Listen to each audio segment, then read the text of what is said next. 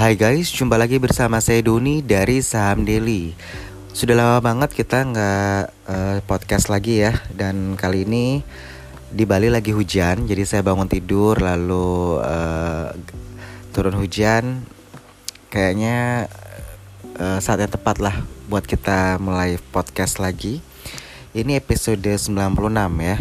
Uh, jadi nggak kerasa sudah menginjak ke 96 episode. Memang akhir-akhir ini kita sibuk banget jadi sibuk training jadi kewalahan uh, tapi saya pribadi thanks banget buat teman-teman semua baik yang suka DM melalui Instagram maupun yang WA ya. Terutama untuk premium member yang suka konsultasi. Uh, terima kasih banget atas uh, kesabarannya atas loyalitasnya juga setia banget dan juga yang setia banget dengerin podcast kita. Uh, memang DM yang masuk adalah kebanyakan tanya kapan ada podcast episode terbaru begitu. Jadi memang uh, di bulan Agustus ini kita agak lambat untuk di podcastnya karena memang uh, kesibukan ya banyaknya permintaan training. Oke, kali ini saya mau membahas mengenai analisa fundamental begitu ya. Langkah awal analisa fundamental ngapain sih begitu ya. Yang pertama, teman-teman bisa membaca laporan keuangan maupun laporan tahunan ya. Kalau laporan keuangan ini kan kalau di bursa kita ada laporan keuangan kuartalan ya. Jadi kuartalan tuh per tiga bulan maksudnya. Biasanya kita suka sebut kuartal 1, kuartal 2, kuartal 3, kuartal 4. Kalau di saham daily biasa kita bilang Q1 gitu ya. Q2, Q3, Q4 gitu ya. Kalau Q1 2019 itu artinya kuartal 1 2019. Q1 itu dari bulan Januari, Februari, Maret. Lalu Q2 itu April, Mei, Juni. Lalu Q3 itu Juli, Agustus, September. Q4 itu Oktober, November, Desember. Sedangkan laporan tahunan ya yearly ya dari Januari hingga Desember. Nah, laporan tahunan ini uh, maupun laporan kuartalan ya itu biasanya kan dia diaudit maupun tidak. Kebanyakan sih uh, ada yang publishnya itu unaudited setelah itu mereka uh, publish lagi yang audited ya yang sudah diaudit begitu ya. Kalau laporan keuangan audited yearly biasanya misalkan laporan keuangan tahun 2018 yang audited berarti biasanya dia uh, Januari hingga Desember itu laporan keuangannya diaudit oleh kantor akuntan publik ya KAP kita bilang.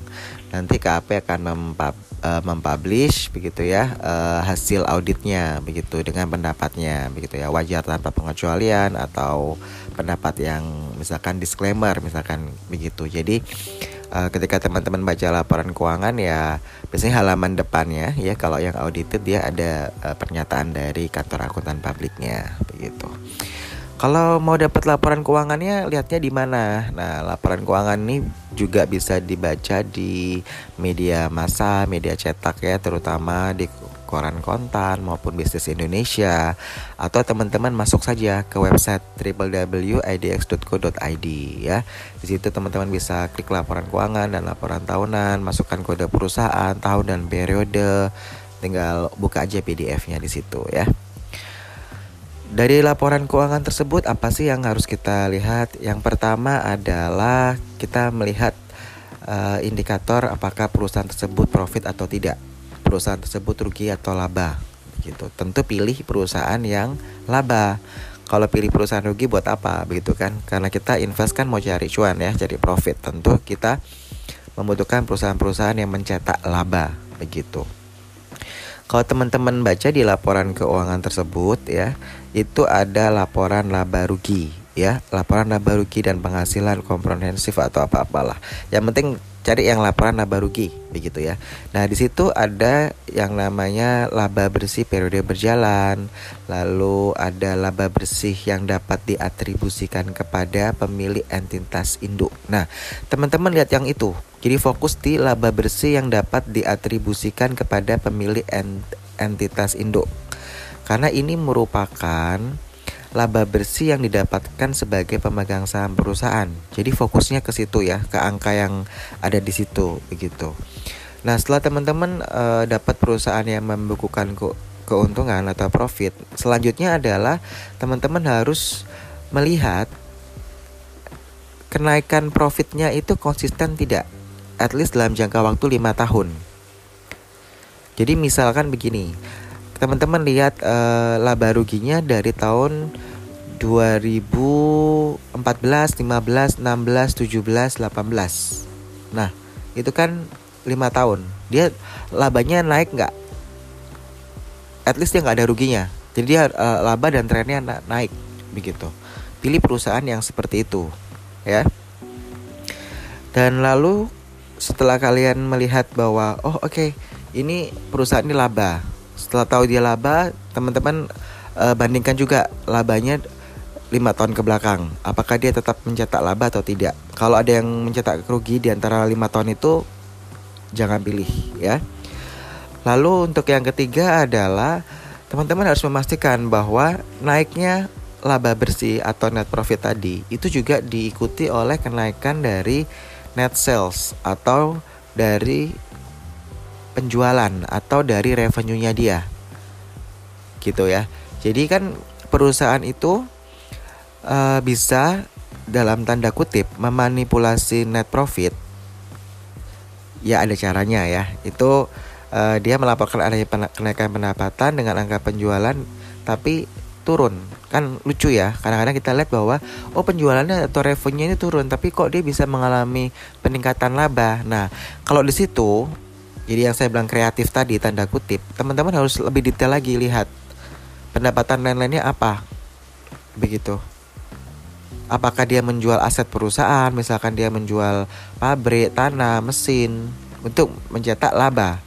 Tapi bukan dari uh, labanya ini naik bukan karena dari re, uh, revenue atau salesnya dia peningkatan dari uh, main bisnisnya dia. Misalkan dia jual uh, sapu lidi, bukan dari hasil penjualan sapu lidi perusahaan ini uh, penjualannya naik begitu ya. Jadi penjualan sapu lidi cuma sejuta gitu. Uh, turun dari tahun lalu dia uh, penjualannya 5 juta gitu misalkan. Lalu tahun ini penjualannya 1 juta.